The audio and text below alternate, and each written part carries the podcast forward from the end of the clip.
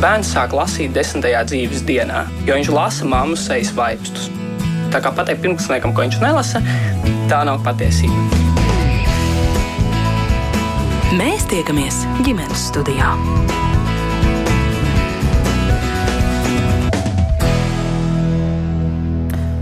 Labdien, rādījums ģimenes studija sāk savu skanējumu. Jūs sveicināta producenta šoreiz Sarmīta Kolāta, mans vārds ir Agnes Linka.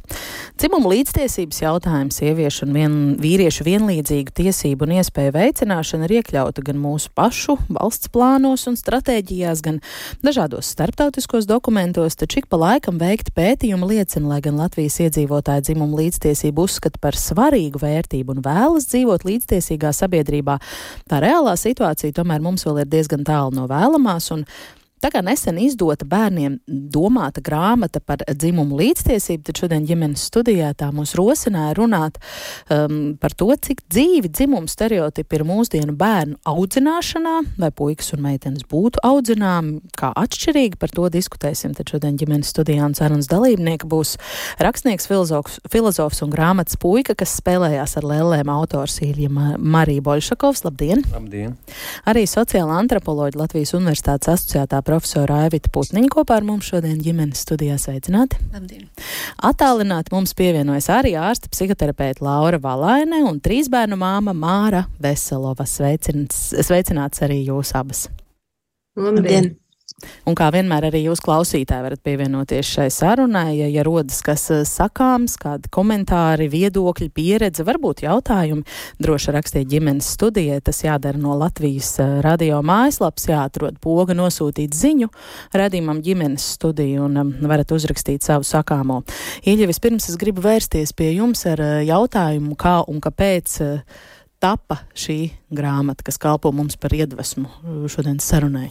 Nu jā, šī grāmata ir jau tāda nu, vēsture patiesībā, jo viņa bija uzrakstīta trīs gadus atpakaļ. Nu, viņa bija gatava. Bet sākums bija, man liekas, 2012. gads. Un tā bija reakcija uz grāmatu eh, Kārlis vai Diena, kad Kārlis pārtopa. Nu, citiem vārdiem jau Kārlis bija Karlīna jā, vai kā tam līdzīga. Jā. Un uh, tad bija tāds arī skandāls, un arī, kad es to grāmatu lasīju, nu, tā īpaši nevarēju saprast, par ko tā grāmata ir, un arī tie zīmējumi bija pietiekoši briesmīgi. Un tad es tieši aizdomājos, ka nu, patiesībā neviens it kā negrib runāt nu, tieši par tādām visvienkāršākām lietām, kas ir saistītas ar bērniem. Man tad arī Dēlam bija laikam kāds septiņi gadi, meitai bija pieci. Un patiesībā visi šie jautājumi jau nu, aktualizējās kopā ar viņiem. Jā, jautājumi vis visādi reakcijas, jo ir jau tā lieta, ka vecāki viņu kaut kā nu, var mācīt tos bērnus audzināt, kā viņi grib, bet tie bērni jau nav vakumā. Ir bērnu dārs, ir draugi, ir radinieki, ir pēc tam skola, un tas viss arī dažādos veidos to ietekmē. Un tā kā es arī sapratu, ka neviens no mūsu tādiem progresīviem, uh, feministiskiem rakstniecēm un rakstniekiem negrib neko tādu rakstīt. Nu, es sapratu, ka it kā varbūt man vajadzēs rakstīt, nu, un man tādi mēģinājumi nu, bija arī nodarboties ar literatūru, bet šeit jau arī tā nebija tāda nu, mācību grāmata. Jā, tāpēc, ka vienā gadījumā tie bija stāsti, un patiešām tas process bija, nu, es to rakstīju deviņus gadus, nu, dažādos veidos vienā gadā varbūt neko neesmu rakstījis, nākošajā bija kaut kā vairāk. Pēc tam arī bija sajūta, ka tā grāmata iespējams vispār nav vajadzīga, jo mums jau viss ir kārtībā, jo it kā saviem dēliem mēs bērniem tikam skaidrībā, un tad mums it kā likās, ka ar viņiem viss ir kārtībā, un likam arī visiem pārējiem ir viss kārtībā, jo apkārt mums bija ģimenes, kur tēvi bija ļoti iesaistīti bērnu audzināšanā, ļoti daudz laika pavadīja ar bērniem, kur palīdzēja savām sievām, un likās, ka nu, tagad likam visas ir tādas ģimenes, un patiesībā nav nekādas arī vairāk problēmas. Un e, izrādījās, ka patiesībā ir. Jo grāmatas redaktori arī teica, ka mēs dzīvojam tādos burbuļos. Tad mums liekas, ka mēs jau esam sasnieguši šo dzimumu līdztiesību, bet tad ir cilvēki, priekš kuriem tas ir tāds uh, vārds vispār nesaprotams. Nu, vēl tā grāmata parādījās laikā, kad bija aktuāli jautājumi tieši jau ar dzimumu, dzīves skaidrojumu bērniem, ar citām grāmatām, kas izsauc tādus patiesībā, nu, nezinu, skandāls un ļoti liels reakcijas, tad viņi arī tādu patiesībā, nu, ne ļoti pamanām tā grāmatu un arī grūti saprast, jo sanāk tie cilvēki, kuriem šie jautājumi ir atrisināti viņu dzīvē, viņi to grāmatu arī nelasīšu, viņiem viss ir skaidrs. A tie, uh, kuriem nav atrisināti, nu, tajā grāmatā arī rakstīts patiesībā, ka varbūt viņiem arī nevajag lasīt, jo patiesībā tas viņus ieļaunos un neko labu viņi no tā nevarēs izdabūt. Jā, un tad liekas, ka tā grāmata mazliet ir tādā uh, perifērijā patiesībā. Lūk. Kā varbūt pēdējos trīs gados notikušais, jūsuprāt, maina uh, šāda satura bērnu grāmatas aktualitāti? Nu, es domāju, nē, nu, tas jau bija jautājums vienkārši bija, kā izdot to grāmatu. Jo tas nebija tā, ka viņi bija gatavi. Tas ir viens moments, tas bija oktobris 20. gads, un es sāku domāt, kā viņi izdod. Un man likās, ka, nu, ja es no malas atnākšu uz izdevniecību, došu to manuskriptu un teikšu, izdodiet, man teiks, nu, nē. Jo man likās, ka vajag, lai būtu kaut kāda lokomotīva. Es runāju iepriekš arī ar vienu mūsu dzinieku, policistu. Tagad viņš nav policists. Viņš teica, jā, lai pirmo grāmatu viņam bija cilvēks, kas ļoti palīdzēja, nu arī dzinieks, bet viņš kaut kā par to grāmatu ir teicis, nu tad viņa aizgāja. Un es arī man arī ir paziņas, caur kuriem es mēģināju kaut kā tur kādam tur iepazīstināt un tā tālāk, bet lielas intereses nebija. Neskatoties to, ka arī tās paziņas un tā izdevniecība arī tāda progresīva ir bijuši. Un beigu beigās es nosūtīju uz, uz zvaigznes nābits, uz to parasto tādu adresi. Tur ir tādi manuskripti, kur ik viens jā, rakstnieks vai cilvēks, kas uzraksta grāmatu, var aizsūtīt. Es nosūtīju, un man ļoti ātri atbildēja. Un teikuši, jā, mēs strādāsim, bet nu, bija Covid laiks, bija vēl izaicinājumi arī redaktorei tur un tā tālāk. Un tāpēc nu, personiski. Jā pagāja arī vēl tie divi gadi. Lūk. Un priekš maniem tā grāmata, ja viņi uzrakstīja tad, sākums bija vispār ļoti sen, uzrakstīt viņu trīs gadus atpakaļ. Un priekš maniem pašam viņi īpaši jau nav tik aktuāli, jo arī mani bērni jau nu, izgāja no tā vecuma, jā, viņi dabūja šo savējo. Jums jau tagad ir tāda liela pusauģa. Nu, man, nu, dēls jau patiesībā man jau pilngadīgs, tagad šogad ir kļuvis, kad vēl grāmata bija izdota, vēl vienu mēnesi viņš nebija pilngadīgs, jā, bet tagad jau arī ir. Un tad viņš, viņš jā, un vienalga. Ja tā skatīties, nu, viņš ir pietiekoši, man liekas, pat ļoti salīdzinājumā ar tēvu, tāds maskulīns, spēcīgs cilvēks, ļoti tāds īstais vīrietis. Un meita man tāda īsta, pagaidām meita. Tā var pateikt.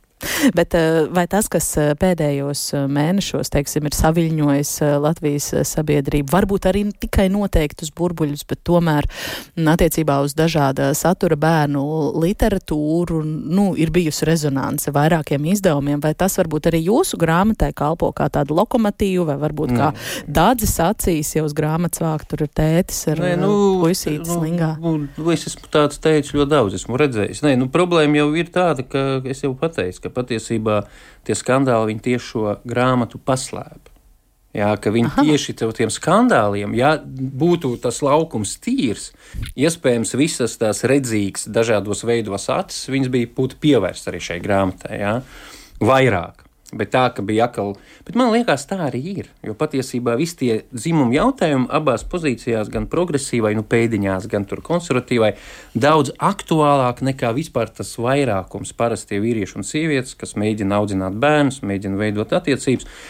Un tā tālāk, viņi kaut kā tur pa vidu, jā, it kā viņi ir, Neskatoties to, ka mēs nu, esam tas vairākums, man liekas, cilvēku, kuriem nu, ir bērni, vai ir attiecības, vai ir ģimenes, tad ir tie formāti ir dažādi. Tagad jau lūk, bet par mums kaut kā tā ne ļoti uh, runā. Plus arī patiesībā grāmatas saturs jau no vienas puses ir pietiekoši tradicionāls. Mm. Sākot ar grāmatu varonu galveno, ar viņu ģimeni un ar daudziem citiem uzskatiem. Jā, tāpēc arī tas tā, man liekas, daudziem cilvēkiem viņi tā patiesībā varbūt līdz beigām nesaprot, tad jā, par ko tad tur ir. Mm -hmm. Nu, tad ieskicējiet īsi, par ko tad tur ir, kas ir uh, varoņi un kas ir tie aprakstītie. Uh, jā, nu, jā pats nosaukums, es esmu par šo nosaukumu arī teicis, jo patiesībā ir ļoti interesanti, ja mēs tagad arī meklēsim kaut kādā Google meklētājā, mums pirmā būs šī grāmata. Nu, rakstīsim puika, kas spēlēs ar lelēm. Pēc tam vairāk ir raksti, kur vecāki domā, vai drīkst vispār puika spēlēties ar lēlēm, vai nebūs viņš gejs, vai nebūs viņš, tagad varbūt viņam dzimums nav tas. Nu, Lietas, kas priekš maniem liekas tādas nu, vispār nesaprotamas, jo priekš maniem vienmēr bija skaidrs, ka puika spēlēs ar lēlēm, puika būs teicis, jā, vai vismaz viņš šo lomu spēlē, jo viņš redz, ka viņam ir tāds teicis, kas dara to pašu, jā, iesaistīts tajā visā. Tas bija viens. Galvenais varonis Lauris, viņš ir tieši tās puisis, kas skatās uz savu tēvu, jo grāmatā ir izveidota tāda situācija, kā mamma aizbrauc mācīties uz vienu gadu uz ārzemēm un atstāja šo jaunāko uh, māsu tieši mm, tēvam, kur arī ir tā lieta, ka bieži jau tieši sievietēm vajag uh, upurēt no savu karjeru, jā, tur vīrieši kaut kur brauc un tā tālāk, un tad viņš vienkārši sāk nodarboties un nodarbojas ar lietām, ko Daži tēvi ļoti daudz nodarbojās, tad ir iesaistās bērnu audzināšanā. Tā kā tur bērns var ir ļoti mazs, tas nozīmē, ka tam bērnam, meitai, Laurai, ir nepieciešama ļoti liela uzmanība. Un tad ir jautājums par vispār mājas darbiem, kas vienalga ir ļoti aktuāls, jo sasniedzot tādu darba līdztiesību, sieviete strādā visādos algotos darbos, bet tas mājas darbs patiesībā ļoti bieži palika viņiem tāds kā pienākums. Jā, un šajā grāmatā tiek parādīts, ka tas ir pietiekoši sarežģīta lieta. Un pēc tam tālāk nu, iziet tie galvenie patiesībā stereotipi, kas ir raksturīgi puišiem vai meitenēm, ar to pašu sākot raudāšanu, jo tehniski. Es pats esmu pat vairākas reizes dzirdējis, kad manam dēlam tu ir teikuši cilvēki no malas, kāpēc tu raudā, tu esi puisis, tev nevajag raudāt, tev vajag emocijas, laikam, turēt iekšā un pēc tam ātrāk nomirt. Uh, jā, ka tu būsi pensijas, tur izies vecumā un tā tālāk. Pēc tam bija jā, par darbiem, jo daudz kas skaidrs mums mainās tieši arī darba tirgū. Darba tirgū man liekas, tas jau notika pēc otrā pasaules kara laikam, kad sievietes sāk strādāt daudzus darbus, kas iepriekš bija domāts tikai vīriešiem. Un tādi arī sīkumi, kad mēģina saprast arī to pašu kosmētikas izmantošanu vai nu, apģērbs kaut kādus, jo mēs ļoti bieži dzīvojam savā laikā, savā telpā, un mums ir kaut kas, ko mēs uzskatām nezinu, par tādu mušu senu lietu. Bet, ja mēs skatāmies to vēsturisko izcelsmi, mēs varam ieraudzīt, kā tas vispār parādījās, ka sabiedrībai bija kaut kādi savi apstākļi, arī nezinu, dzīves apstākļi, jā, tur, nezinu, rūpniecība vai vēl kaut kas, un tāpēc varbūt kaut kā tāda īpašība arī izveidojās. Lūk. Jā, tāpēc tur ir ņemts ļoti, man liekas, tāds vienkāršs lietas, kur, kuras, kur, kas bērniem ir uh, pazīstami. Jā, tur arī sanāk tā Laura ģimene, viņa ir tāda, nu, nezinu, nepareizi teikt, moderna. Viņa ir tāda parasta ģimene, bet tur vēl ir viņam tāds radinieks, kur ir tāds puisis Pēterīts. Un tad viņam tā ģimene un, un viņa uzskati, jā, viņi ir ļoti tādi. Stereotipiski. Stereotipiski jā. jā, bet nu, viņš arī speciāli tur ir parādīts, lai būtu kaut kāds tāds pretstats. Mm -hmm. Un, un tas pēdējais, ar ko es pabeigšu, arī tas nosaukums, par ko es arī bieži saku, tur arī laikam otrā nodaļa. Ir tā Pēterīša un, un Lauras saruna vispār par to, vai puikas spēlēs ar lēlēm, un tiek apskatīts, ka, kas tad vispār ir lēle.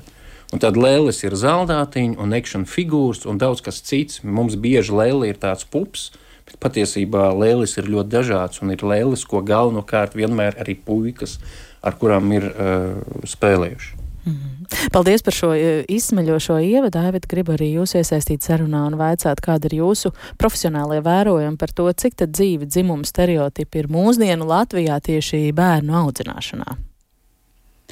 Nu, bērnu audzināšana jau nav atdalīta no mūsu pārējās dzīves. Latvijā ir tā īpatnība, ja mēs skatāmies uz bērnu audzināšanu, tad vecākiem nav tādas nu, filozofijas bērnu audzināšanā. Un, uh, Tas ir raksturīgs vispār attiecībām, arī pāru attiecībām, kur cilvēki maz viens ar otru runā.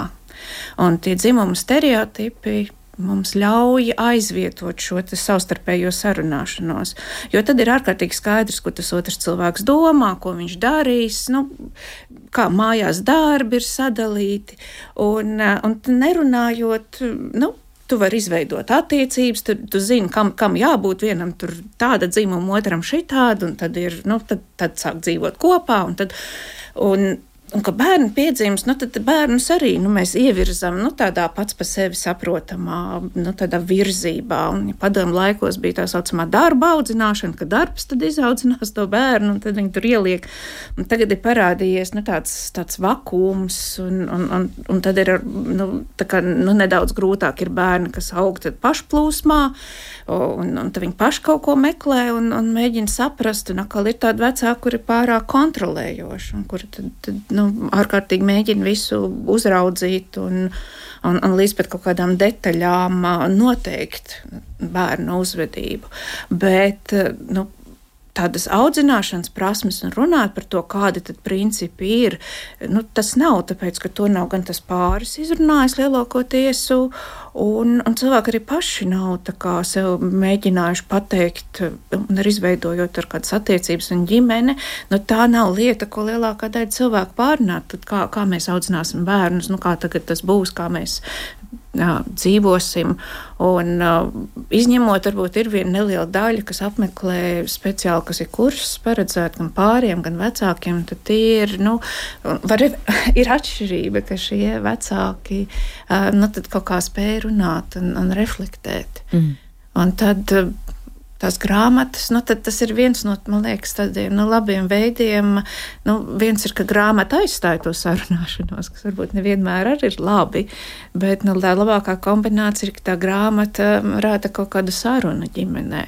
Un tas, kādā veidā nu, mēs nu, iemācīsimies. Jo, nu, tas, tie skandāli ar tām grāmatām jau ir tāpēc, ka vecākiem nav izpratnes par to, kā tad, kādas ir bērnu vecuma posmu uztveres īpatnības, vai tiksim, tā grāmata turlei. Nu, tā ir pilnīgi nu, pieauguša cilvēka frustrācija, kur viņš pats nav saņēmis izglītību. Viņam pašam ir nu, visticamāk ar sabojāta seksuālā dzīve, izpratne par šo, par attiecību veidošanu, un te viņš tur mēģina nu, grāmata, kas ir bērnam paredzēta, kas nu, nav par abstraktām lietām, jo bērni abstraktas lietas nesaprot principā, nu, tāpēc, ka tas ir tāda vecuma izpratne, un tad mēs mēģinām šo pārcelt kaut kādā tādā līmenī, un tad, nu, tad runāt negāciju formā, jo tas ir vienīgais veids, nu, kā mēs par to um, varam vispār iedomāties runāt. Mm. Un tā varbūt, nu, jā, mums mums ir tāda, nu, tāds, tāds akmens, kur mēs nevaram nekādu viņam pārkāpt pāri. Tad varbūt pat nav iespējams nemaz tā novērtēt, vai Latvijas sabiedrībā tie dzimumu stereotipi bērnu audzināšanā ir dzīvelīgi un traucējoši un kaitīgi, vai varbūt nē. Problēma. Viņi ir, viņi ir dzīvelīgi, viņi vienkārši palīdz mums nesarunāties. Nu, Tāpēc nu, ir pilnīgi skaidrs, un tas atvieglo dzīvi. Nu, tu, tu ieej veikalā, tu zini, reku rozā sekcija, reku šito te es arī savai mazmeitiņai nopirkšu. Jā, un, un, tad vēl kā man vienam paziņām bija. Tad vecmāmiņa nopērka arī smukās rozā drēbes darbam un smukās rozā drēbes izējamās. Un tad tas darbs un dzimums ir tas, kas nu, mums tās attiecības palīdz veidot. Un, un tā dzimuma līdztiesība Latvijai var ir. Nu, mēs visi par to līdztiesību, bet um, lielākoties to līdztiesību saprot kā tādas vien, vienādas tiesības, tad pēc tam varbūt nedaudz iespējas, bet pienākumi, nu, tur ir vismazākais atbalsts, jo pienākumi katram ir atšķirīgi. Nu, tos mēs tā kā sadalām, jo tā ir visa darba dalīšana pēc dzimuma, tas, ko katrs var darīt un kur. Kurš kurā vietā hierarhijā stāv, kā mums ir jāuzvedās. Nu, tas ir viss nu, ļoti skaidri, tādā vienkāršā lietā ietvērta. Mm -hmm. Uh, Laura, došu vārdu jums. Gribu vaicāt, ko par dzimumu stereotipiem bērnu audzināšanā saka psiholoģijas, psihoterapijas, kā zinātnes, kā tie bērni nu, ietekmē viņam augot un attīstoties. Um, nu, Tātad stereotipi ir viena no ietekmēm. Sabiedrība ir viens no faktoriem, kas jebkurā gadījumā ietekmē, kā bērns aug. Uh, un stereotipi ir sastopami. Viņi ir sastopami, ir sastopami nevien Latvijā, bet viņi ir sastopami, protams, arī visur citur pasaulē. Mēs no tā, no tā apstrahieties, ka tas ir tikai Latvijā, domāju, īsti nebūtu korekti.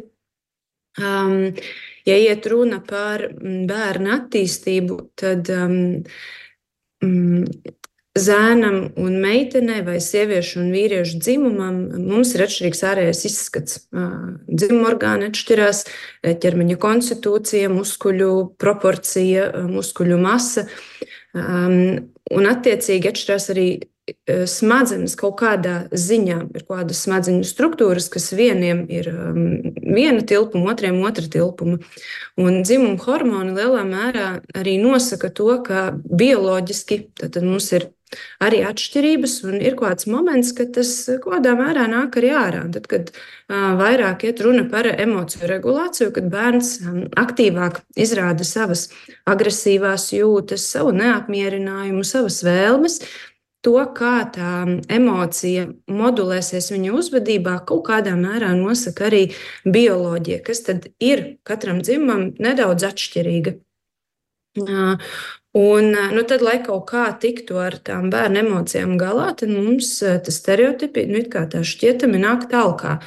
Meitene, tu tur nedrīkst tā, zēns, tu nedrīkst šitā rīkoties. Bet emocijas abiem dzimumiem ir vienādas. Un um, tas, kā izprast bērnu, par ko viņš jūtas, vai kā viņam palīdzēt tikt galā ar šo emociju. Nu, tur tik liela varbūt dzimuma atšķirība nav, cik sabiedrības stigma palīdz vienkārši emocijai nebūt. Es kā ārsts, psihoterapeits savā ikdienā novēroju sekas, kas notiek tad, ja dzimuma stereotipu izmanto kā kaut ko, lai kaut ko aizliegtu, lai kaut ko padarītu par neatļautu vai tieši otrādi attaisnotu. Nu, es kā Viņš jau ir puika, viņš jau drīkst tur kauties, vai, vai es jau meitene, es jau drīkstu būt emocionāla, vai tieši otrādi - es zēns, kā es tā raudāšu, kā es būšu vājš, un, un es meitene, nu kā es tā varu gribēt spēlēt futbolu. Um, ta, tas ienāk gan pašam bērnam, gan no vecākiem, no sabiedrības, un attiecīgi arī sekas tam ir nu, tādos visos trijos līmeņos, gan bioloģiskas, gan sociālas, gan uh, psihoemocionālas. Kādas, noteikti... kādas, kādas tad tās sekas ir, kādu ietekmi tas atstāja, ka mēs šādi rīkojamies, kā jūs raksturojat? Mm, nu, iesim cauri visiem veselības domēniem. Veselību tātad raksturo fiziskā, sociālā un psihoemocionālā labsajūta. Um, un, um, no fiziskā skatu punkta, kur ir atšķirības uh, zēniem un uh, meitenēm, uh, atšķirās veids, kā bioloģiski uh, nu, klasisks puika un klasiska meitene, vai klasisks vīrietis un klasiska sieviete reaģē uz stresu. Kat, nu, katram ir sava predispozīcija. Sievietes vairāk stresa situācijā ir, viņām ir emocionāli um, izaicinājumi, vīriešiem vairāk ir fiziskā veselība ietekmēta. Attiecīgi, ja tad, kad emocijas dod savu vaļu, un tās netiek korekti nu, palīdzētas, palīdzētas adaptēties, tad var būt psihosomatiski traucējumi bērniem un uzvedības traucējumi. Piemēram, varbūt agresīva uzvedība, traucējoša uzvedība, varbūt nu, tā, ka ar bērnu vispār nevar uh, sazināties, sarunāties. Tad bērni var somatizēt, varbūt izteiktas vēders sāpes, muguras, uh, galvas sāpes, um, aizcietējumi, caurēs dažāda veida veselības problēmas, bet tas rodas tāpēc, ka tas stereotips aizliedz tev just to, ko tu jūti. Un tad, no, tad tas būtu no fiziskās veselības. Um, un um, no sociālās, tātad uh, labsajūtas Nu, tu ne, ja tev, piemēram, kā meitenei, vairāk patīk rāpties pa kokiem un spēlēties ar mašīnām un spēlēt kariņos, bet tu nāc no ģimenes, kur meitenei ir jāsteigā kleitās un jābūt ļoti paklausīgai, tad tu, tad tu sabiedrībā nejutīsies ērti. Tev būs grūti sevi izpaust, vai tad būs vajadzība pretoties. Un no psihoemocionālā tad. Tad, protams, tas ir, ir emociju regulācijas traucējumi, sociālā trauksme. Diezgan bieži bērniem, īpaši tādā vecumā, kas ir līdz skolas vecumam, tad bērniem ir dažādi trauksmes vai miega grūtības, viņi murgo vai arī. Tur knibina, knibina nagus, kožu un tā tālāk. Tā kā, tās sekas, ja tā dzimumu Mm, loma ir, tas stereotips ir pārāk uzspiests un nav kontaktā ar bērnu, nu, tad tā diezgan plaši ietekmē. Lūkšu gan vēl ātri, Aivita, iestarpināt, Aivita grozīja galvu un purināja Laurā klausoties. Jā, antropologi varbūt ir nedaudz citādās pozīcijās, jo mēs to kultūras ietekmi varbūt labāk redzam, jo mēs neskatāmies uz cilvēku tikai rietumu kultūras kontekstā, bet vispār visu kultūru kontekstā. Un, ja skatās, kā šīs dzimuma sistēmas ir citās kultūrās veidotas, tad mēs redzam arī, nu, ka šajā, ko tikko teici, ir manāmi tieši tie stereotipi un pa dažādu smadzeņu darbību. Un, un to mēs arī zinām, ka bioloģiski dzimums vairāk ir spektrs nekā, nu, tāda bināra opozīcija. Tad, teiksim, arī, arī mazi bērni, no līdz tam pusauģu vecumam, viņiem nekāda hormonālā iedarbība nebūs. Tāpēc ar puikas un meitenes arī ķermeniski izskatās līdzīgi. Un tās atšķirības sekundārās dzimuma pazīmes sāk veidoties vēlāk. Un, un, un šie, šie hormoni. Un tad jautājums ir, nu, es zinu, ka mums psihologi ir, ir daudz, kur stāstīja, ka tur puikām un meitenēm ir citādas smadzenes, un, bet nav jau mums īsti zinām mehānismi, nu, kas tās smadzenes, vai tie būtu tur testosterons un estrogēns tās smadzenes, tā kā, vai, teiksim, 19. gadsimtā tiešām bija debata par to, vai tad, kad ir lielāks, nu, tas, tas smadzeņu apjoms, tad cilvēks tā kā ir gudrāks, beigās izrādījās, nu, ka sievietēm tas apjoms vidē ir lielāks, un tad beigās es domāju, nē, labāk, jo nu, tā kvalitāte kā strādā. Nu, līdz ar to nu, mums, mums pašiem, man liekas, ir nu, daudz tādas lietas, ko mēs uzskatām, kuras ir nu, tā kā, tā kā bioloģiskas, mēs arī ļoti daudz pamatojam kā bioloģiskas, kuras nav tādas. Un, un tas ar skaidro šo apdraudējumu vai trauksmi, tā, ka mēs jūtam, ka tās robežas ir, ir pārkāptas. -hmm. Labi, neaiziesim šauri specifiski zinātniskā diskusijā, paliksim varbūt populāri zinātniskajā līmenī. Mm, trīs bērnu māma Māra Veselova ir pacietīgi klausīsies mūsu straujo rētījumu ievadu. Māra, arī jums tagad eh, beidzot eh, dosim vārdu. Izstāstiet lūdzu, cik veci, kāda dzimuma ir jūsu bērni un eh, vai viņus audzinot jūs arī aizdomājaties par dzimumu stereotipiem, kāda šajā ziņā ir jūsu kā mammas pieeja. Jā, labdien! Nu, man ir trīs bērni, 11 ar pusgadi meitai, tad ir 9 pilni dēlam un 2 pilni dēlam. Un tas, kad meita piedzima, es viņai apzināti nepirku rozā drēbes. Man likās, nē, es viņai ģērbšu neitrāli. Un, Kāpēc? Un, tā? Man šķita tas viss rozā burbulis pārāk uzpūsts. Es pat nekad neesmu bijusi tāda princese. Un, nu, man, man patīk arī rāpties kokos, kā reiz kā te tika minēts. Man ļoti nepatīk mana pubertāte, kā sievišķ, sievišķā viss šī lieta. Un, nu, jā, līdz ar bērniem es tā tiešām iemīlēju to sieviešības lietu. Un tāpēc man likās, nebūšu tā rozā māma meitai. Bet uh, tas ļoti strauji, tad, kad meita kāds pusotrs gads, viņai nebija nekāda socializācija īstenībā pieejama. Nu, es biju mājās, jo es paliku drīz vien stāvoklī ar dēlu, un viņa nebija bērngārzā gājēja. Mums arī nav televizors, un mēs gājām varbūt uz bērnu skoliņām. Bet viņa ļoti strauji tās rozā izvēlējās. Nu, tur jau bija dāvināts kaut kāds drēbs, un viņa vienkārši ļoti aktīvi, agresīvi, tikko tuvāk diviem gadiem vēl trakāk. Un tad mums tur bija visādas diskusijas par tām drēbēm. Nu, vēl tagad redzu, viņai ir vienkārši pucēties patīk. Un tad es padevos uz to visu drēbju lietu, rozā lietu. Princešu tīla svārki, visi aizkari, kas visās vietās tiek apģērbti kā princešu apmetņi un viss pārējais.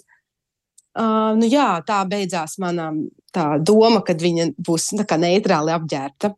Nu jā, un tad par dēlu viņš piedzima, viņiem ir 2,8 gadu starpā.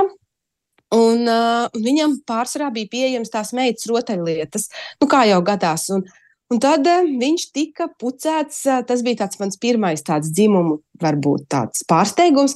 Viņš tika sakrāsots ar lūkrāsām, uh, ar acu krāsām, viņš tika izdekorēts ar krellēm. Uh, viņš vadīja māsu, māsu arī, vai ne? Ļaujiet minēt. Jā. jā. Viņam viens gads ar pusi, un kā viņš ļoti laimīgs, ka tā māsa lielā ar viņu tur nodarbojās. Viņš vienkārši starājas. Es arī starājos ar padarīt mājas lietas, viņi divi spēlējās. Un kaut kādā brīdī, kad viņš ir uzlakotiem nagiem un lūpas tā rītīgi sarkans, skatos, nu, jo Haidī, tai pusotrā gadā viņš reāli pēc meitenītes arī izskatās. Mēs ar vīru tā padomājām, nu jā, un tagad kas būs? Tagad viņš izaugs par kaut kādu dīvainu vai kā. Bet neko tur, nu, nu ko es mājās, nu, bāc, es nogurus biju reāli no vis tā pasākuma, un es biju laimīga, ka viņi spēlējās. Un tā ir arī atlaida to, to visu pasākumu. Un viņš īstenībā līdz pat skolas vecumam, un pat vēl tagad, eh, kaut kad māsa viņam te uzkrāsoja acis, nu, jo viņas prasmes ir ļoti augušas, skaisti uzkrāsoja. Un, bet es neredzu pilnīgi nekādas nezinu, intereses. Jā. Tad, kad parādījās automašīnas, vairāk mājās arī meita ļoti daudz ar mašīnām izvēlējās spēlēties. Un, nu, jā, Tā kaut kā, un à, viņš pats, viņam pašam, piemēram, ir pilnīgi vienalga, kas viņam ir mugurā. Viņam bijuši arī, nu, mēs ļoti daudz ar draudzenēm mainamies ar drēbēm, Un ir bijuši arī rozā krekli vai kaut kādas tādas. Viņam ir pilnīgi vienalga. Man ir mazais bērns, nu, dēls. Viņam tie, viņš jau gadiņā izvēlējās. Viņam ļoti patīk krāsains drēbes, baltas, sarkanas, ne tās standarta zēnu, tumšās. Tas arī īstenībā man bija šoks, ka dēls piedzima par tiem veikalu standiem. Jūs arī runājāt. kad uh, izvēlieties no rozā stenda, tā arī ir. Es tagad Ziemassvētkos mazajam dēlam meklēju leļu bēbīti, tādu mīkstu. Man liekas, ka katram bērnam jābūt savam leļu bēbītim, nu, es, lai viņš var identificēties, nu, ka tas ir tāds maziņš bēbīts. Un es nevarēju atrast ilgi, ilgi, ilgi cēsīs dzīvojot normāli, neitrālā krāsā. Es negribēju rozā bēbīt. Es jau uz dzimšanas dienu viņam nopirku rozā ratus. Viņam vienalga tā krāsa, bet nu, man likās, viņam vajag kādu tādu dzimumu neitrālu bēbīti. Un tad es atradu zaļu tādu. Jā. Jā, un puišiem ir ļoti maz drēbju arī. Tos dēlu māmas redz visos veikalos vienkārši. Kā tad ir tagad uh, tam jaunākajam puisītim? Uz viņu ir gan lielās māsas, gan lielā brāļa, gan drīz vienaudžu ietekme. Kam viņš vairāk pieslējas? Viņš mašīnām šeit es īstenībā nepiekrītu, bet nu, tā ir man personīga tāda mammas ietekme, ka zēni no meitenēm maziņā vecumā neatšķirās. Viņi konkrēti atšķirās, bet nu, tas ir tas, ko es redzu apkārt draudzenēm un skolās, bendārzos. Viņi, nu, Meitenes sēž un krāso savas grāmatas, vai tām lēlēm kaut ko tur čubinās. Un tie džeki, viņi vienkārši nāk un to visu grauj. Viņi nāk un uzkasās, viņi nāk un lēkā. Viņi arī spēlējās, bet viņiem vairāk tās viss ir aktīvāks. Viņš atradīs, man bija pret pistolēm kaut kādā arī. Nu, Es negribēju tos ieročus, bet viņš atrod jebko no LEGO, uztais kaut kādu līku vai pirkstu. Un Tāpat tas nevar izbēgt. Viņi ir dažādi. Es nezinu, no kurienes tas nāk medicīniski vai antropoloģiski. Mēs vienkārši piedzimstam kaut kāpēc dažādi. Mhm. Jā, es vēl piebildīšu, ka um, Māras uh, Twitterī mēs izķeksējām to viņas rakstīto stāstu par uh, to, ka viņa meklē uh, neitrālā krāsā ne rozā bēbi savam jaunākajam dēlam, un tad uh, Twitterī X publika arī apspriedās par to, vai tad puika nevar ar meiteņu rozā bēbīti spēlēties, un beigu beigās tāpat visi bēbīši beigās tiek izģērbti un izrādās bez dzimuma vispār, un, un kāds, uh, kāds no komentētājiem atkal teica, ka tad, tas ir tādēļ, ka īsta vīra vīrietība kļūst vai arī tiek pataisīta nepopulāra, tāpēc tie gaiši zilie vai haki krāsas eh, bēbji nav puisīšiem piemērot atrodami veikalos. Nu, tā visnotaļ um, interesanti. Es atgādināšu, ka ģimenes studijā mēs šodien runājam par to, vai dzimumu stereotipi ir eh, dzīvi un spēcīgi mūsdienu bērnu audzināšanā Latvijā, un eh, sarunā piedalās rakstnieks, filozofs un grāmatas puika, kas spēlējās ar lēlēm autors Ilija Marija Boļšakovs, arī sociāla antropoloģija un Latvijas Universitātes asociētā profesora Aivita Putniņa un attālināti ar mums kopā ģimenes studijā ir ārsta psihoterapeita Laura Valēna un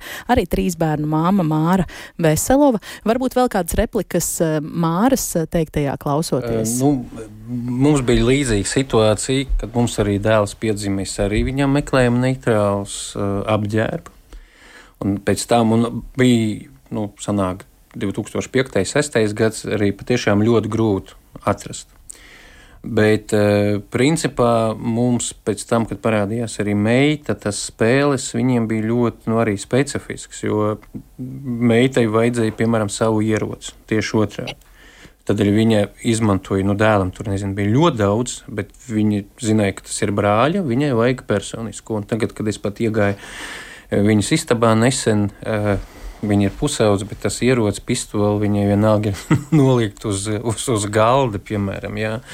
Vai bija tā, ka man tieši arī man ļoti iepatikās mans uh, draugs viens, viņš atcerējās. Es to aizmirsu. Un atcerējās, un man vēl rakstīja. Vienkārši viņš saka, jā, jā, es atceros, kad Benedikts rādīja, ka viņam tad ir trīs tanki, un viņam ir tanks tētis, tanks mamma un tanki bērni. jo tie tanki jā, bija dažādi izmēri, nu, tur lielāks, mazāks. Un tad viņš to, vai mašīnītes, patiešām viņa mašīnīs gāja gulēt. Bet gultās vajadzēja viņus salikt. Ja, tāpēc tur baigi viss tas bija kopā. Nu, teiksim. Bet man pašam, jā, man arī liekas, ka mums, mēs neapzināmies, cik mums kultūra patiesībā ietekmē mūsu dabu.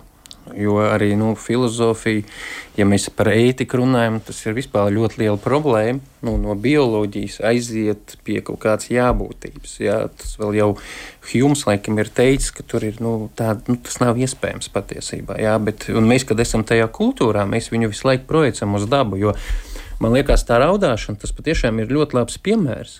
Jo principā nu, tas ir dabiski parādība, nu, ir dabiski parādība. Jā, viņi raud visi nu, normāli, jo tas ir ielikts viņos. Daba, Dievs, mēs raudam. Bet pienāk tas moments, kad mēs saprotam, ka nu, mūsu sabiedrībā ir tāds sociāls konstrukts, ka vīriešiem, kā tur noteiktām būtnēm, viņam nevajag raudāt.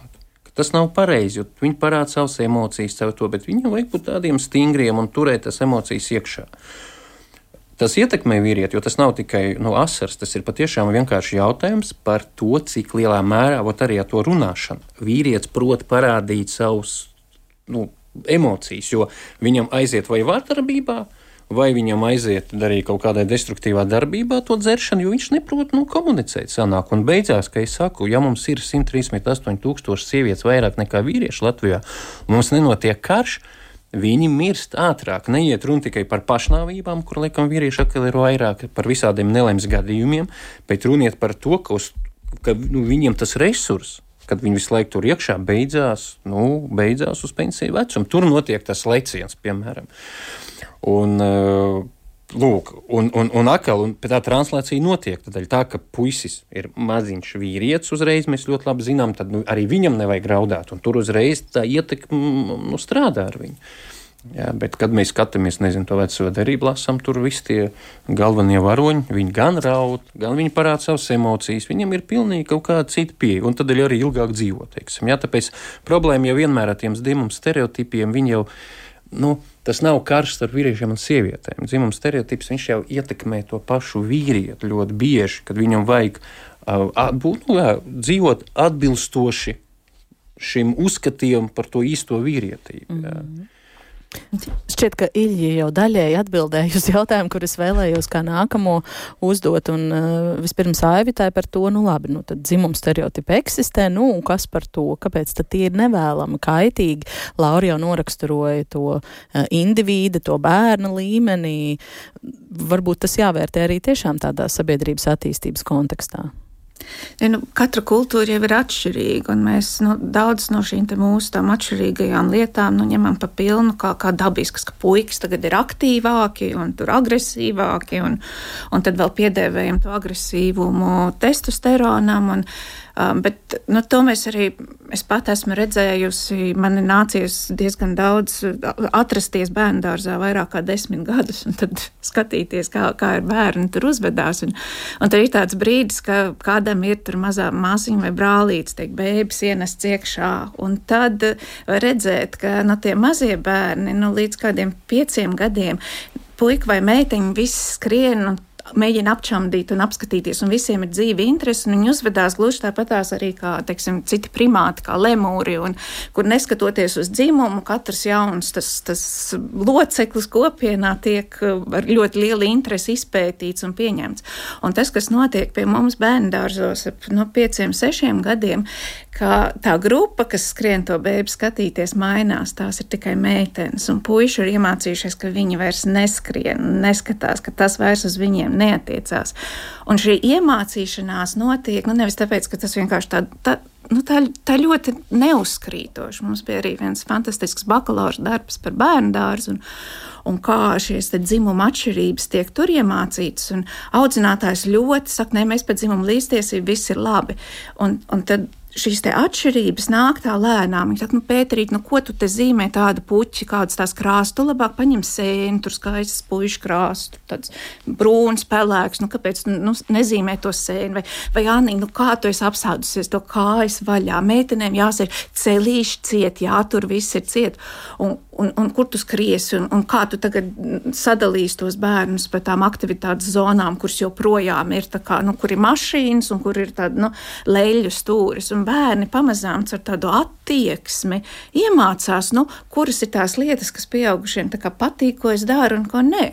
Vai teiksim, šajā pašā raidījumā, piemērs bija pirms daudziem gadiem, žurnālisti prasa bērniem, ir sporta diena. Nu, tur meitenes, nu, kas jums vislabāk no sporta patīk? Tās meitenes saka, nu, mums labāk futbolu patīk spēlēt, tur skriet. Viņš saka, nu jā, un, un, un, un tev, tu, puisīt, tev arī tas futbols. Viņš saka, nē, nē, man galīgi nepatīk skriet. Un, bet caur šiem jautājumiem viņi iemācās, kāda ir tā pareizā atbilde. Un, un, un bērns jau nemācās no tā, ka viņam tagad izstāsta, kā ir jādara, bet bērni mācās ļoti uzmanīgi vērojot mm. pieaugušos. Es vienu arī komentāru tieši par bērnu dārzu, jo mans dēls, viņš apmeklēja mazaktautības bērnu dārzu. Un tajā laikā tur reāli bija sadalījums. Tādēļ no audzinātājiem tas ir puišu rotaļlietas, tas ir meitene. Nedrīkst ar tām spēlēties, jums tikai ar tām vajag spēlēties. Un tādēļ grāmatā tas ir parādīts, nu, bet patiesībā tas no dzīves ir norakstīts. Un es domāju, varbūt latviešu nu, bērnu dārzos nav tik briesmīgi, jā, bet tur dēlam patiešām bija sadalījums. Jūs tā, jūs tā, un arī visu laiku bija tā kontrole, patiešām nevajag tā. Nu, vat, kas pastāstīts. Tāpēc vat, manā gadījumā un dēla dzīvē tas viss tiešām ir no tādas realitātes. Mm. Nu, jūs būtībā oponējat tagad uh, Māras teiktajām, kur saka, ka viņu uz saviem mazajiem puisīšiem un meitenīti ir novērojusi, ka viņi jau no sākta gala ir atšķirīgi. Jā, nu tie ir tie trīs bērni, un tas ir jautājums, ka vecāki var nav dzimumu neitrāli. Un, tā pasaule nav, nav dzimumu neitrāla. Pat ja vēlamies. Un, un radinieki arī tad, ja mēs gribam. Un jāatcerās arī, ka puikas savā starpā atšķirās. Gluži tāpat kā meitenes atšķirās. Un, un tā atšķirība starp nu, diviem dažādiem puikām var būt daudz lielāka nekā starp kaut kādu nu, vidēji statistisko puiku un meiteni. Mm -hmm. Un tā varbūt ir nu, tā kļūda, ko zinātnieki jau sen ir norādījuši, ka mums, mēs varam iztikt ar šo bināro izpratni par dzimumu. Nu, cik tālu mēs tagad ignorējam nu, tos statistikas salīdzinājumu pašā grupā. Nu, tikpat labi mēs varētu jā, sag, nu, salīdzināt eh, bērnus ar gaišiem matiem un tumšiem, ka mhm. viņiem ir atšķirīgas rakstura īpašības. Mm -hmm. Laura ir kādu brīdi atkal klausījusies, eh, redzēju, pierakstījāt, arī mājāt ar galvu un varbūt arī kaut kam nepiekritāt. Ehm, kāds mm, Jā, kāds paldies, komentārs? Paldies par komentāru. Noteikti vēlos papildināt, varbūt iespējams pārprast to vietu par eh, bioloģijas nozīmi. Uh, Um, noteikti no tā dzimums nav bināra lieta. Tas ir jebkurā dab, jebkurai parādībai dabā ir normāla sadalījuma līkne. Ir, um, ir kaut kādi poli, nu, piemēram, ja mēs runājam par dzimumu, kaut kas, kas no evolūciju teorijas, no um, bioloģiskās, ģenētiskās puses uh, ir vairāk raksturīgs. Piemēram, šeit par dzimumiem runājot, klasisks vīrieša fenotips, klasisks sievietes fenotips ar visu un tādu ļoti tipisko uzvedību. Realitātē šī ir ļoti maza proporcija. Nu, no statistikas to mēs zinām. Un tā lielākā daļa ir pa vidu un iezīmēs tendenci. Un, protams, ir zēni, kur ir, kuriem um, testosterons ir viens no faktoriem. Tas tāds ļoti viegls, kur pieķerties, ja gribās uh, nu, tā pastāstīt par šo sociālo lomu. Testosterons ir tikai viens. Mums ir neurotransmiteri, ir gēni, ir epigenētika, un tā, tad tas nav viss tik vienkārši uz vienu hormonu norakstāms. Bet ir kaut kāds, kad cilvēks aug, mēs piedzimstam ar gēnu komplektu, un tad, kā šis gēnu komplekts miedarbībā ar sabiedrību, miedarbībā ar ģimeni, ar paša interpretācijām par apkārtējo pasauli, nu, tad mēs augam. Mēs esam nu, iekudēti izaugt kaut kādā veidā. Un um, tas, ko aprakstīja Māra iezīmē šo kaut kādā ziņā, protams, stereotipisko un tomēr kaut kādā mērā atbilstošo, kas ir evidence beigas, tātad zinātnē pārbaudīta lieta, ja mēs skatāmies statistiski, kad um, impulsivitātes un nu, veidā, kā agresīvās jūtas tiek izpaustas statistiski lielās grupās ņemot, ir atšķirība, uh, kā tas ir ar vienu genotipu, kas ir, kas ir sieviešu, un genotipu, kas ir vīriešu. Bioloģiski vī, nu, tad, tad, vīrieša ģenētiskā daļa kopā ar visām smadzeņu darbības uzvedībām, hormonālo daļu iedod tādu uztveri, tad, tad, augstāku varbūtību impulsivitātei, skatu meklēt cēloni ārējā pasaulē, detalizēt kādās lietās iet. Un Jā. tā ir lielā nu, bioloģiskā daļa, un tad savukārt sievietēm ir cits, bet tas nav viennozīmīgi. Ir, ir variācijas un dažādi, bet šis ir tas, par ko runā Māra un ko mēs novērojam. Pat tad, ja mēs liekam, varbūt bērni, kur ir vairāk un mazāk jutīgi, bet tas, kad it kā mēs audzinam un viss ir ok, nu, uz tā uz, ir kaut kāds pamats, ka, nu, es domāju, bioloģijas lomu noteikti nevajag noniecināt. Tā nav vienīgā. Jā, tā, tu, to, tā, tā tas noteikti nebija domāts. Es vienkārši, lai ietu druscīt uz priekšu, gribu arī jums eh, šai kontekstā pajautāt, ja, teiksim, pie jums atnāk māma vai tētis un prasa, vai uh, puikas un meitenes būtu audzināmi atšķirīgi, ko jūs tādā vienkāršajā versijā viņiem atbildētu no, sav, no savas profesionālās pozīcijas? Nu, vispirms jautātu, kāpēc šāds jautājums? nu, kā, ko ar to grib noskaidrot? Kur ir tā grūtība apakšā? Jo parasti tur slēpjas vecāku trauksme, ka viņi kaut kā iemācīs, mm, nu, ar kaut ko vecāks tajā brīdī viņam ir grūti tikt galā. Nē, nē, nu mēs gribam tā, lai ir pareizi viss, lai ir pa foršo. Jā, pareizi nav iespējams, nav pareizā veida. Pareizais veids nav, un ir svarīgi skatīties bērnu individualitāti. Kāda ir bērna, temp, kāds ir bērna temperaments, kāda ir bērna emociju regulācija. Tas nav vienkāršs jautājums, kurš nu, tik īstenībā kopumā ir nianses, kuras iepazīstot bērnu un aprakstu, var saprast, kā palīdzēt. Kaut kādas lietas ir, bet es Tā kā nevēlos ļoti generalizēt, ka meitenes jāaudzina vienā veidā un zēni otrā. Tā Jūs neteiktu ne vairāk, ne, ne jā, ne nē, uz šo jautājumu neatbildētu, ne ar jā, ne ar nē. Māra, kā jūs, ja jums draudzene vaicātu?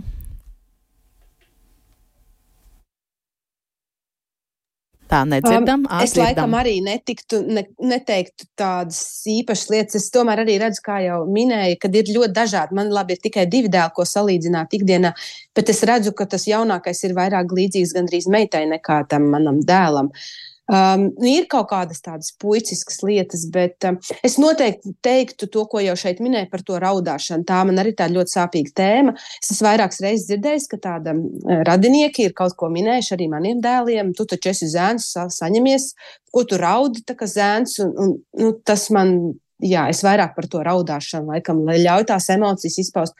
Jo līdz septiņiem gadiem viņi tomēr ir ļoti jūtīgi arī, nu, līdz tai pubertātei, jā, tādi nu, zēna meitenes tādā ziņā kaut kādā ziņā līdzīgi. Vēlāk, laikam, arī es stereotipiski domāju, tā skatos no malas, ka vēlākā laikā manā stereotipā vīrieši vairāk tā noslēdzās tomēr, un tās emocionālās mēs sievietes paliekam tāds traļu vaļi ar saviem hormoniem un to ciklu, a vīrieši viņi ieņem to savu to, nu es tagad tik bieži neraudāšu. Man gan paši arī ļoti dīvaini liktos, ja mans vīrs ņemtu un raudātu tā kā es par visām lietām. O, es skatos filmu, o, cik skaisti skatos kaut ko. Man tas liktos nu, tā kā neseksīgi vai kā kaut kā man, manā stereotipā, jā. Es pat esmu stereotipiska. Jā, nu, paldies par atklātību, teiksim tā, Evita.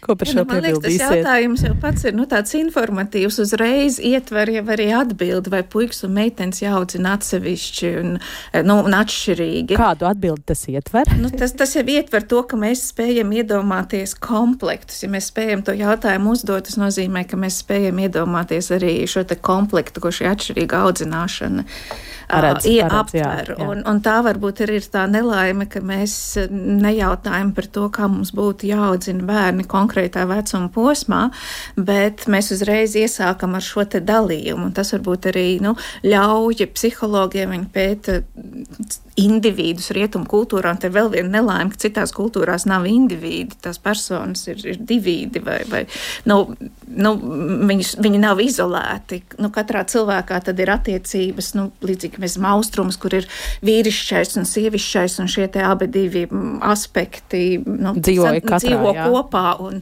un, un tas nav tikai, nu, manī ir iekšā mani vecvecāki, mani vecāki, nu, visi cilvēki, nu, kas, kas man ir audzinājuši, ar ko man ir veidotas attiecības, un tie mani nosaka, nevis dzimums. Un, un, nu, līdz ar to tas jautājums ir daudz viltīgāks nekā varbūt um, no sākuma izklausās, bet viņš ir nu, pārsteidzoši saprotams. Bet vai man vienai šķiet, ka tas ir jautājums, kas aizvien biežāk pēdējā laikā tiek uzdots?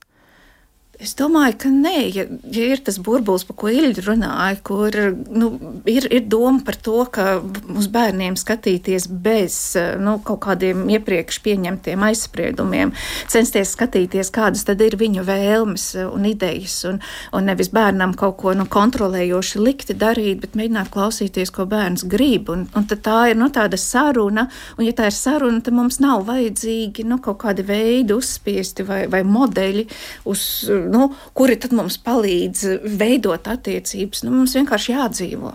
Mm -hmm. Anija pirms labu laiku jau ir uzdevusi jautājumu ar viņas eh, jautājumu nolasīšanu, un tad kāds, cerams, būs ar mieru atbildēt. Arī noslēgsim Anija vaicā. Viņa saka paldies par tēmu, un uh, esmu par šo, ka puikas spēlējas ar lēlēm un visu pārējo, un meitenes var darīt zēnu lietas, taču nereti viņi aiziet uz skolu, un tur pavisam skaidri biedri pasaka, ko var un ko nevar. Tas ir tā kā Iļas eh, stāstā par Lauri un Pēterīti, kur Pēterīts viens ir protagonists, otrs antagonists, un Anija vaicā, kā runāt situācijās, kad pats agrāk pieņemošais eh, bērns nu vairs tās rozā un pārējās lietas negrib, jo klases biedri smiesies? Nu, īsajām atbildēm mums te tikai ir laiks. Es domāju, ka nu, tās visas šīs situācijas, un cik es grāmatā iemetu acis, nu, tās situācijas ir izrunājamas ar bērniem.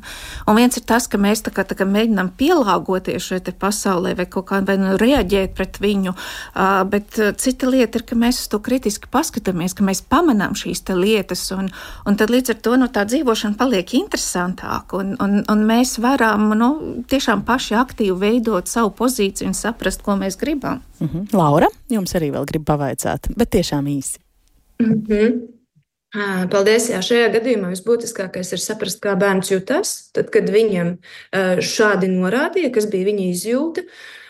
Un par ko? Jo varbūt, ja mēs pieaugušie mums šķiet, ka bērns pirms sakaunēs par vienu, bet varbūt bērnam ir pavisam cits pārdzīvojums. Un, attiecīgi, pēc tā kā bērns jutās, mūsu uzdevums pieaugušiem ir nevis dot perfektos apstākļus, bet palīdzēt bērnam augt neperfektā vidē. Tad, tad kas ir tas, ko viņš īsti grib un kā viņš var par sevi pastāvēt, iestāties?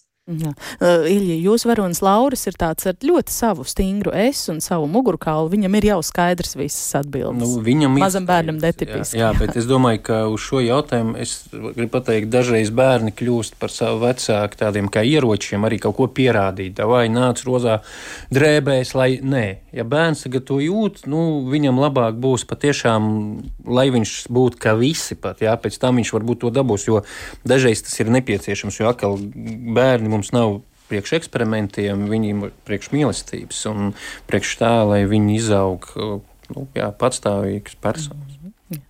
Noslēdzot, eh, nolasīšu vēl divus klausītāju komentārus. Eh, Jānis raksta, ka dzimuma atšķirības pastāv, dzimumiem ir atšķirīgi dzīves piepildījumi un būtu postoši, ja mēs to neņemtu vērā un par dzimumu specializāciju ar bērniem nerunātu.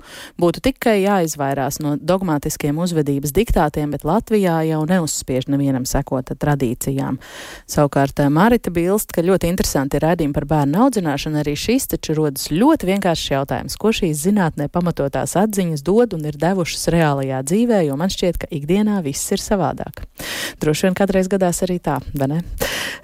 Paldies par sarunu ģimenes studijā. Šodien teikšu, šeit klātesoši bija Īļa Marija Bolšakovs un Aivita Putniņa un um, ar Zoom platformas starpniecību mums pievienojās Laura Valaina un Māra Veselova rādījumu. Šodien veidojas Armīta Kolāta, pieskaņu pults bija Ernests Fjodorovs un mans vārds ir Agnes Linka. Pēdējos gados ir strauji audzis pieprasījums pēc psihiskās veselības aprūpas pakalpojumiem bērniem un jauniešiem, tāpēc rīt mēs dosimies lūkot klātienē un uz vietas bērnu slimnīcas jauno bērnu un jauniešu psihiskās veselības klīniku. Tās tapšana aizsākās vēl 2017. gadā. Rīt beidzot oficiāla atklāšana un Ģimenes studijas tiešraidi no atklāšanas pasākuma sāksim rīt divos un piecās, kā Alla Žuz sadzirdēšanos rīt.